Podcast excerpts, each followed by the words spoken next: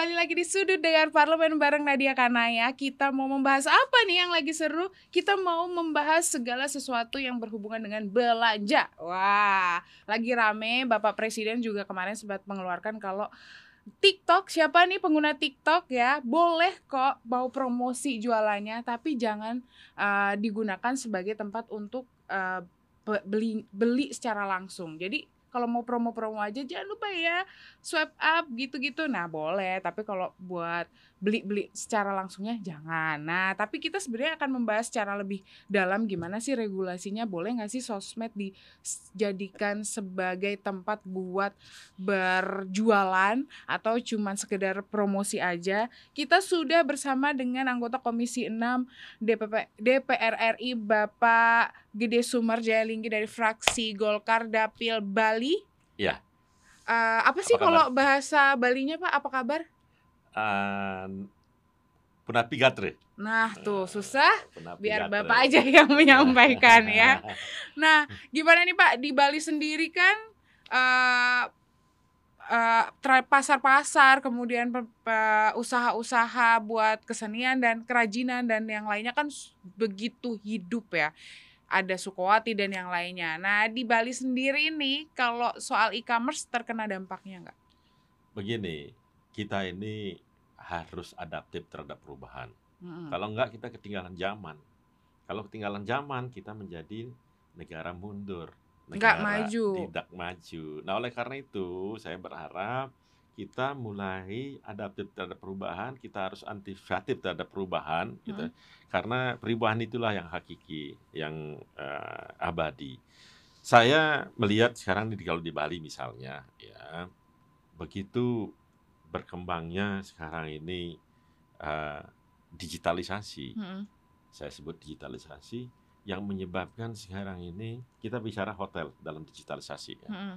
Hotel sekarang ini teman-teman ada yang punya dua villa, tiga villa, hmm. mereka sanggup sekarang itu hidup sanggup hidup lumayan lah ya karena digitalisasi. Artinya apa? Banyak sekali sebenarnya keuntungan dari digitalisasi ini, apalagi nanti UMKM kita. Hmm. UMKM kita yang rumahan sekarang bisa mengalahkan restoran besar omsetnya. Karena pasar dia, restoran mungkin pasarnya yang tergantung yang orang yang lewat. Yang ya, sementara mungkin yang jualan keripik, jualan bawang goreng, mungkin bisa sampai ke seluruh dunia iya. bahkan gitu loh. Nah, ini yang yang yang saya maksud mungkin kita harus uh, adaptasi terhadap kondisi perubahan tersebut. Bali sendiri saya melihat, saya sudah ingatkan Menteri Perdagangan waktu itu bahwa zaman Pak Enggar, zaman Pak Enggar waktu itu di Menteri Perdagangan, saya ingatkan nanti kita akan terlanda oleh digitalisasi. Perdagangan kita akan lebih kepada konsumen langsung kepada produsen. Produsen hmm. bisa langsung ke konsumen. Itu saya ingatkan. Ya, hati-hati dengan mengembangkan pasar. Waktu itu saya, waktu Pak Enggar itu tahun berapa saya lupa. Tapi waktu itu Pak Menterinya Pak Enggar. Khawatir saya itu seperti sekarang ini terjadi. Ya kita lihat sekarang ITC di Mangga Dua dan sebagainya. Tanah Abang. Tanah Abang udah, mulai kosong. Udah mulai kosong. Karena saya bilang coba rancang uh, aplikasinya, kemudian rancang bahwa uh, pasar itu adalah menjadi gudang stokisnya daripada barang-barang tersebut gitu. untuk mendekatkan stokis untuk mendekatkan kepada konsumen itu selain itu digital ini juga kita bisa mendapatkan pasar yang begitu luas ya kalau kita kita tutup tadi Mbak bilang bahwa Pak Jokowi sedang menutup apa jual pasaran di TikTok. Mm-hmm. Ya. Apakah betul? Promosi boleh, tapi mm, Oke, okay, tapi apakah betul kalau kita bisa memanfaatkannya dengan baik itu masih merugikan kita? Saya belum yakin itu. Ya, regulasinya namanya oke okay, yang jualan di TikTok harus dia mempunyai izin dan sebagainya. Untuk pajak dan yang lainnya? Hmm, pajak ya sama semuanya. Harus kita karena di regulasinya. Di mana sih susahnya? Kita bicara sama TikTok. Hmm aja duduk bersama bersama TikTok. Hai TikTok, kamu punya aplikasi. Oke okay, di Indonesia, tapi aturan-aturan Indonesia harus diikuti. Ya, hmm. pajaknya di mana dan siapa yang boleh dan siapa sebagainya yang boleh itu. Kan kita bisa dibatasi. Kayak di Instagram ada Instagram contreng biru gitu kan. Ya. Kan ketahuan orangnya up gitu ya, ah, contreng biru yang yang punya contreng biru benar-benar orang-orang yang benar-benar punya eh, alamat jelas dan sebagainya baru boleh cari contreng biru kan. Heeh. Kalau nggak contreng nggak nggak bisa contreng biru berarti itu kan ini itu aja bisa dibatasin gitu lah. Nah kenapa sekarang kalau pajak dan lain-lainnya, nah memang kita regulasi kita agak terlambat sedikit dengan eh, apa dengan kemajuan zaman. Artinya Tapi itu bisa dengan lobbying. Kenapa enggak gitu loh? berarti kemarin artinya itu pemerintah eh, agak telat membaca perkembangan yang pasar membaca juga. perkembangan perkembangan pasar. Dan tapi itu bisa juga dengan lobbying dulu, kemudian nggak usah undang-undangnya gitu. Mungkin dengan permen, peraturan Hmm, menteri aman. gitu. Itu bisa gitu. Kalau sekarang ditutup, apakah benar? Kan kasihan juga kalau teman-teman kita yang orang Indonesia, produk sendi- sendiri dari Indonesia, Hmm. yang kemudian tidak bisa jualan juga di TikTok gitu. Mm-mm. Ya kan? Ini kan Harusnya kita kan seluruh dunia juga kita pengen jualan. Iya, Nah, jadi perkuatlah regulasi, perkuat juga nih kadang-kadang ini kita nih diimplementasi kita lemah sekali. Undang-undangnya banyak sekali, Iya. aturan-aturan banyak sekali, implementasinya yang kita ah, lembah sekali. Karena mungkin ya terus terang ya mungkin tingkat kesejahteraan dari pegawai juga ya. Terus terbukanya Indonesia karena kepulauan juga gitu Mm. ya. Uh, sehingga ini menyebabkan memang kita uh, agak lemah di implementasi. Mari kita bangun penguatan di implementasi, ya kemudian uh, regulasi, regulasi kita kita update terus menerus, gitu ya. Terus uh, saya berharap penguatan juga di UMKM kita. Nah, untuk penguatannya sendiri, Pak, apa sih sebenarnya yang harus dilakukan pemerintah? Kalau tadi Bapak menyebutkan soal sekarang kan harusnya katakanlah UMKM UM, UMKM yang masih konvensional harusnya yang beradaptasi dengan adanya digitalisasi ini. Hmm. Nah, apakah memang sudah ada sosialisasi kepada mereka untuk bisa ya berselancar di dunia maya untuk me- eh, apa mempromosikan dagangannya? Gini, saya ini sekarang ini sedang mulai turun. Kebetulan kan ini dekat pemilu juga turun ke masyarakat ya. Oh iya betul. Saya sering mengajak eh, apa yang ahli di bidang digital marketing. Mm-mm. Saya ajak turun karena saya juga datang ke situ memperlihatkan sosok saya dan saya juga harus eh, memberikan manfaat terhadap yang saya ketemu. Tidak sekedar hanya sekedar ketemu, kemudian dikasih ongkos transport, kemudian makan, enggak itu. Tapi saya ingin dia bangun, bangkit dari kondisi perekonomian, dari ekonomi keluarganya. Hmm. Paling tidak ibu-ibu juga bisa membantu keluarganya. Saya bangkitkan melalui saya ajak eh, pemodal per- permodalan nasional madani, kemudian saya ajak BRI untuk kurnya, kemudian digital marketing. Nah, setelah itu apa? Saya bertanya, eh, ibu-ibu, bapak-bapak, apakah pernah jualan on- jualan di eh, pernah belanja di online? Saya bilang itu. Wah, semua naikin tangan. Hampir semua. 90 mungkin 95 persennya naikin tangan. Pernah Berarti jo- keranjang online-nya banyak banget itu pasti. banyak banyak. Nah, terus sudah gitu saya tanya, apakah ada yang sudah pernah jualan online? Nggak nyampe 10 persennya. Mungkin hanya sekitar 5 persen. Artinya apa? Di sini gap kita nih masih tinggi soal itu. Ya, padahal produk dan inovasi kita nggak kalah dengan orang luar sekarang ini. Oke, Pak, kita break terlebih dahulu. Kita akan membahas lebih dalam lagi gimana sih biar UMKM kita itu bisa bersaing dengan yang ada di luar. Jadi jangan ke mana-mana, tetap di Sudut Dengar Parlemen. Kembali lagi di Sudut Dengar Parlemen masih bareng dengan Bapak Gede Sumarjalinggi. Kita balik lagi Pak ngobrolin soal UMKM. Tadi setelah Bapak menyampaikan kalau ternyata masih ada gap yang cukup besar soal digitalisasi ini. Ya, di Indonesia ini saya lihat masih gapnya terlalu besar. Mungkin oke lah, memang penjual apa belanja di online pasti akan lebih besar daripada jualan di online. Mm-mm. Tapi ini gapnya udah terlalu ini. Jadi ketika saya tanya, mengerti nggak caranya? Oh saya mengerti belanja, tapi jualannya saya belum mengerti. Mm-mm. Mengerti nggak tentang eh, standar-standar untuk jualan? Ya standar pengemasannya, standar penampilannya dan sebagainya. Akhirnya mereka, nah ini saya bawa sekarang ini orang digital marketing apa aja yang harus anda ikutin. Dan anda bisa menjadi kaya raya saya bilang itu karena dengan memakai sarana digital ini karena begitu masuk digital dan barangnya bagus Mm-mm. diminati seluruh dunia itu akan menjadi kaya raya Kalau hanya sekedar jualan tradisional, ya mungkin cukup, tapi untuk menjadi kaya aja saya agak sulit.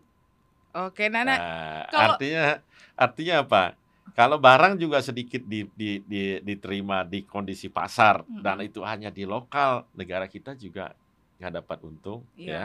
Yang kedua, sumber daya manusia tidak terserap, sumber daya alam juga tidak terserap. Jadi saya minta soal digitalisasi ini kaji dengan baik karena ke depan ini perangnya bukan perang lagi kewilayahan. Perangnya adalah perang ekonomi. Perang ekonomi apa? Senjatanya sekarang itu yang paling ampuh adalah digitalisasi. Itu. Ya. Kalau perang kewilayahan kan orang berani mati kok untuk itu. Kenapa sekarang untuk kita uh, memperbaiki kondisi regulasi, ya bersemangat untuk mensosialisasi digitalisasi ini. Kenapa ini mesti uh, setengah-setengah gitu ya? Kalau saya lihat sih pertahanan ke depan itu mungkin lebih baik pertahanan lebih banyak anggarannya di pertahanan ekonomi ketimbang di pertahanan konvensional. Pertahanan yang saya maksud pertahanan-pertahanan kewilayahan. Iya. Yang biasanya ini penjajahan-penjajahan wilay- wilayahan dulu nih. Iya. Oke lah Rusia sama Uk- Ukraina itu karena memang dia satu negara dulunya terus sekarang ingin bukan menjajah sebenarnya dia ingin digabungkan lagi gitu. Heeh. Tapi kalau penjajahan ke depan menjajah negara lain saya rasa sudah tidak zamannya lagi. Tapi kalau soal menjajah melalui ekonomi, menjajah dalam tanda kutip ya. Hmm. Nah, kita mau terjajah atau kita mau menjajah? Ya. Orang lain pasti ingin menjajah, kita juga kalau bisa kita ingin menjajah perekonomian kita. Tapi biasanya kalau penjajahan ekonomi, kalau kita bagus kita melakukan eh, apa regulasi ya, kemauan kita Diperkuat. sendiri, Mm-mm. maka itu menjadi win-win. Karena produk kita bisa bisa juga ke ke mereka, produk mereka juga masuk ke ke kita. Masuk ke kitanya ini itulah melalui entry barrier-nya salah satunya adalah yang paling itu adalah pajak. Cara untuk me-entry. Badan pertahanannya itu biasanya pakai tembok tebal Besar, itu. iya. Nah, ini sekarang itu pajak adalah menjadi Nah, itu pajak ini berarti kan belum ada yang dibahas. Nah, makanya sekarang ini kalau belum ada regulasinya, ayo bicarakan pakai permen. Terus kemudian apa? Ya, bicara dengan TikTok. Eh, TikTok.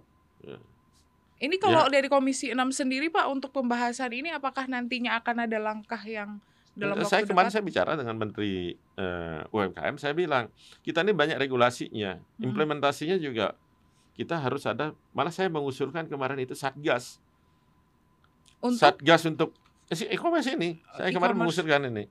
Karena kan kita tahu kita nggak bolehin di di di e-commerce pamanya ya. Mm-mm. celahnya juga masih banyak. Misalnya sekarang itu di Mangga 2 ada yang hypermart apa namanya itu, yang besar sekali Oh, itu iya, semua iya. produknya produk Cina, Cina, iya. gitu loh. produk asing yang Ya akhirnya mereka apa seperti bunglon, mereka di sininya di di, di, di, di digitalnya di stop gitu lah.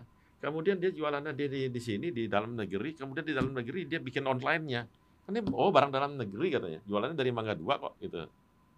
Ya kan gitu. Hmm, jadi Cina double Cina. penyerangannya Eh, double ya. double. Nah, i- ini yang harus kita perhatikan. Bahkan saya mengusulkan kemarin, Satgasnya diketuai sekelas menteri atau wamen minimum.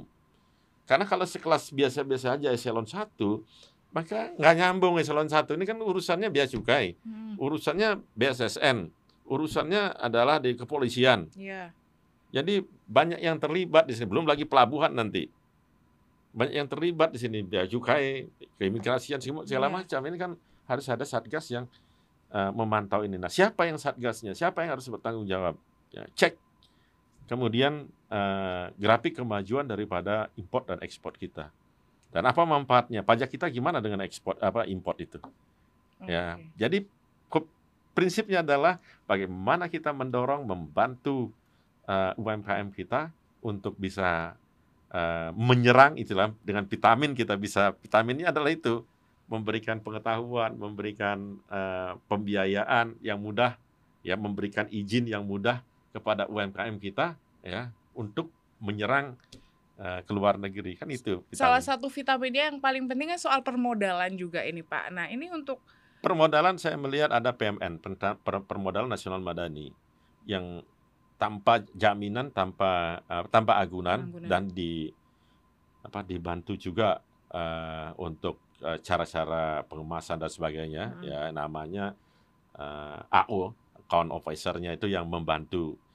Tapi itu tanggung renteng. Sebenarnya ini kan meniru yang Bangladesh dulu itu tanggung renteng ini 10 orang tanpa jaminan eh, apa tanpa tapi mereka tanggung renteng. Jadi kalau yang satu ngemplang, yang sembilan bayar. Ini Oke. bagus banget. Ini bagus banget. Nah, tapi ini kan belum tersosialisasikan banyak. Karena Hmm. kita, saya tahu nggak tersosialisasikan banyak karena saya waktu saya bawa PMN itu saya tanya, eh ada yang sudah ikut mekar nggak? Namanya programnya mekar. Ibu-ibu, saya sengaja sekarang ini banyak ke ibu-ibu. Saya minta ke tim saya, tolong ya nanti 75% daripada yang ikut nanti di uh, pertemuan saya itu 75% ibu-ibu. Saya bilang itu. Karena ini industri rumahan akan menjadi bagus karena ada digitalisasi. Tapi kalau digitalisasi sekarang di stop, industri rumahan mau ke mana? Ibu-ibu ini mau ke mana jualannya? Ya, mau kontrak toko nggak mampu, ya kan? Ini ini harus dipikirkan gitu. Mm. Sehingga permodalannya adalah kalau kalau yang sudah berusaha tapi ingin meningkatkan usahanya tidak juga punya apa jaminan, Mm-mm. ya lari ke kur. Oh iya. Ya, kan ada. jadi ada dua saya bawa, makanya saya bawa tuh selalu tiga. Permodalan nasional madani bagi yang belum ba- baru mulai usaha tapi Hmm. belum punya modal. Kemudian yang sudah punya usaha ingin meningkatkan usahanya, ada BRI ada KUR ya. Hmm. Yang ketiga saya ajak digital marketing. Untuk me- mempermudah bagaimana untuk pemasaran Ah, memasuk memasuki pasar dunia. Mm-mm. Jadi kalau tradisional itu hanya bicara pasar kampung ya.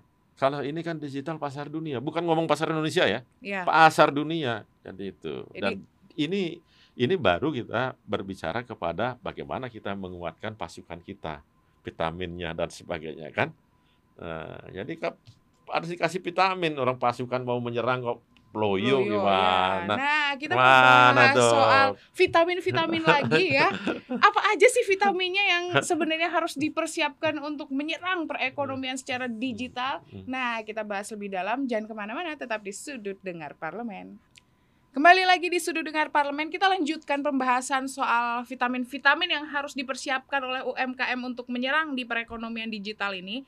Nah, tapi Pak masih ada permasalahan tantangannya adalah salah satunya kemarin gimana kita sudah memproduksi ternyata hasil produksi itu dikloning oleh eh, negara lain dan dijual di negara kita dengan harga yang cukup rendah. Nah, hal kayak seperti ini nih sikap dari pemerintah sendiri ha- seharusnya seperti apa, Pak?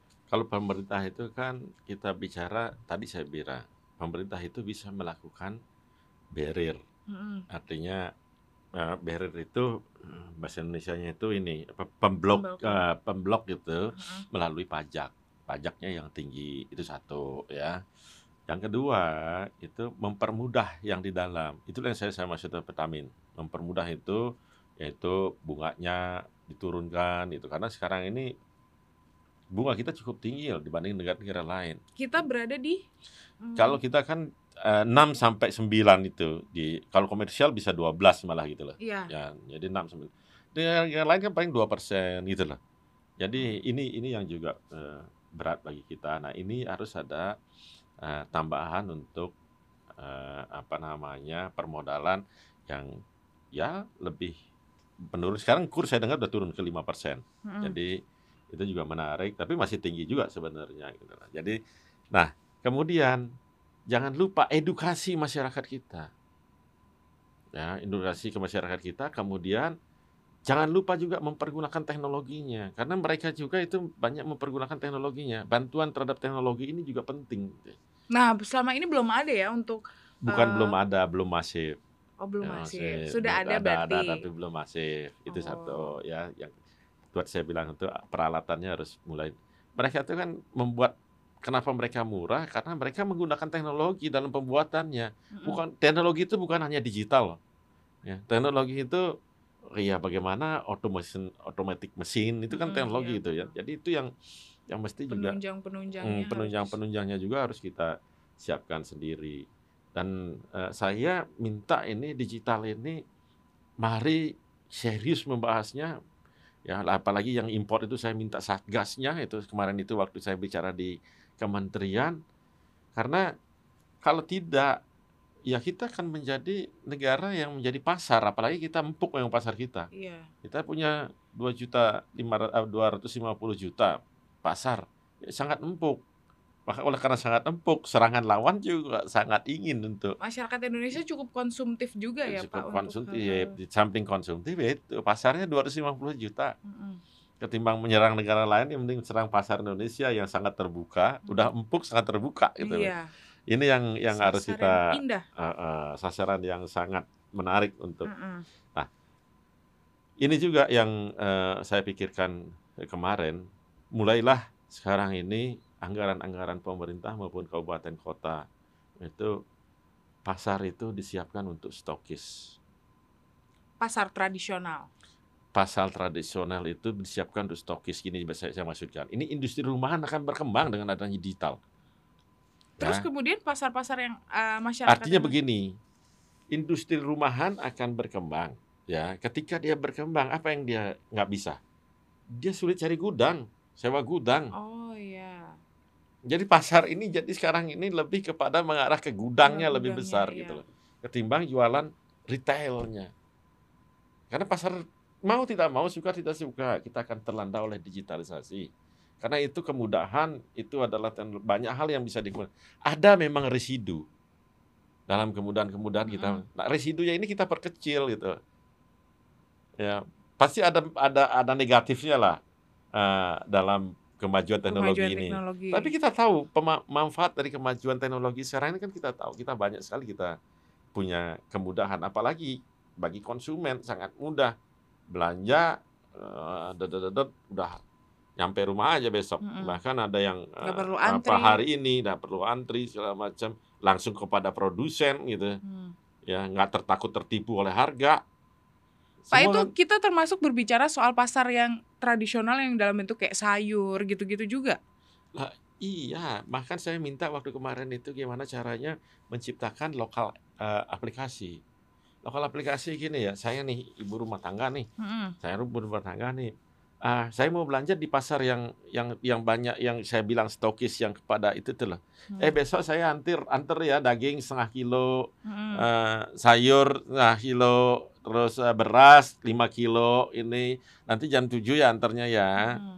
Nah, bagi pasar itu sendiri, besoknya dia akan bawa tuh karena murah jadinya karena dia nganter beberapa tempat. Oke. Ketimbang ibu ini harus ke pasar juga, ya kan Ongkos ongkos juga, ya, belum lagi biaya. waktu dan sebagainya yang harusnya dipergunakan untuk dia membuat sesuatu untuk dia jualan malah Mm-mm. di online. Sekarang ibu-ibu ini kalau berdayanya bisa dia ngerti tentang online, mengerti tentang digital. Dia itu kan sibuk di rumah. Berarti- memproduksi memproduksi keripik kayak memproduksi apa kayak gitu loh Mm.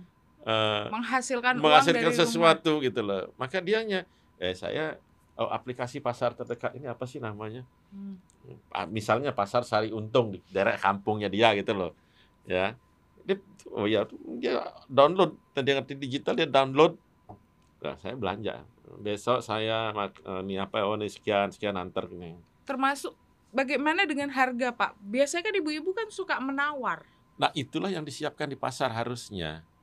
Di pasar itu dengan harga fix. Ya kan di setiap hari kan kalau udah punya aplikasi kan pasti udah ada setiap hari ada apa ada update tentang pasarnya itu. Oke. Ke depan tidak lagi ada bisa bohong-bohong atau eh, bisnis tidak fair saya sebut juga tidak fair dalam tanda kutip ya. Mm-mm. Kenapa tidak fair? Ya masa harga 100 sekarang dihargain 500 kan nggak fair dong gitu loh. Artinya ini harus ada eh, sosialisasi eh, digitalisasi itu tadi ya, Pak. Ya. Literasi digital. Ya, saya jangan takut, jangan eh, anti kepada perubahan. Saya sempat juga, saya ini kan, saya sama kakak saya dulu membangun percetakan, penerbit, wah besar, bes- ah, cukup besar lah di Indonesia ini mungkin eh, 10 besar. Kalau tahu karena saya eksak Bandung itu, saya tidak, kita tidak berpikir dalam lima tahun bisa benar-benar anjlok, rugi besar waktu itu, Karena adanya digitalisasi. oke buku-buku buku-buku cetakan buku cetakan itu e-book e-book itu gini ya. ya buku cetakan itu kalau dia dari kertas menjadi buku itu kira-kira eh, nilainya jadi kalau bukunya ini cuma 20% harganya ini dijual ketika dia berisi ilmu dia bisa dijual 100% Mm-mm. anggaplah kita biar gampang 20.000 ribu kertasnya harganya, Mm-mm. begitu dijual ongkos cetaknya ya dan sebagainya, begitu dijual bisa 100 ribu Oke. ya. Tapi begitu digitalisasi melanda, stok banyak di eh, apa di pabrik Hmm. ya, ini turun. Nggak bisa dijual lagi. Dijualnya Iya. berapa? Cuman 10 ribu. Kenapa? Udah jadi sampah. Jadi sampah kok ini. Oke, karena semua sudah melalui sistem digital. Siapa yang mau bawa buku? Mau bawa buku, mbak sekarang tuh bawa tas gede-gede mau jalan. Eh, kan Bahkan udah nggak kalau di digital. KRL Nah, akhirnya saya di, ya kita jualan digitalnya lebih banyak. Ya. Oke, jadi, Jadi- emang masyarakat Jadi harus, residunya di situ. Untuk eh, ruginya banyak waktu kemarin itu. artinya masyarakat perusahaan sekarang kita- harus adaptif itu ya. Adaptif terhadap perubahan. Kalau enggak terlintas zaman. Itulah yang saya maksud. Kalau kita tidak anti perubahan pasti terlintas zaman. Oke Pak, nah dari Hmm. Komisi 6 sendiri untuk next step-nya di yang akan dipersiapkan untuk memajukan UMKM kita sendiri apa? Yang Eh, ditekankan. kita sudah mulai ada perubahan tentang Undang-Undang Nomor 25 tahun 1992 tentang koperasi. Mm-mm. Ini kita akan masukkan di sini lebih banyak bagaimana kumpulan dari koperasi mengadopsi daripada digital. Nah, dan kita akan minta ke beberapa eh, yang ahlinya di bidang digital, digital termasuk platform-platform yang berjualan eh, digital. Itu kita akan nanti minta masukannya untuk perubahan undang-undang eh, koperasi ini. Untuk bisa kita minta nantinya ke mereka, hey, kita mau win-win dengan Anda. Ya, kalau kita dirugikan, kita nggak mau dan kita minta Anda ditutup. Semoga akan ada implementasi-implementasi ke depan yang berpihak kepada UMKM kita jadi kita bisa semakin tinggi, semakin meroket, semakin mendunia ya dengan digitalisasi.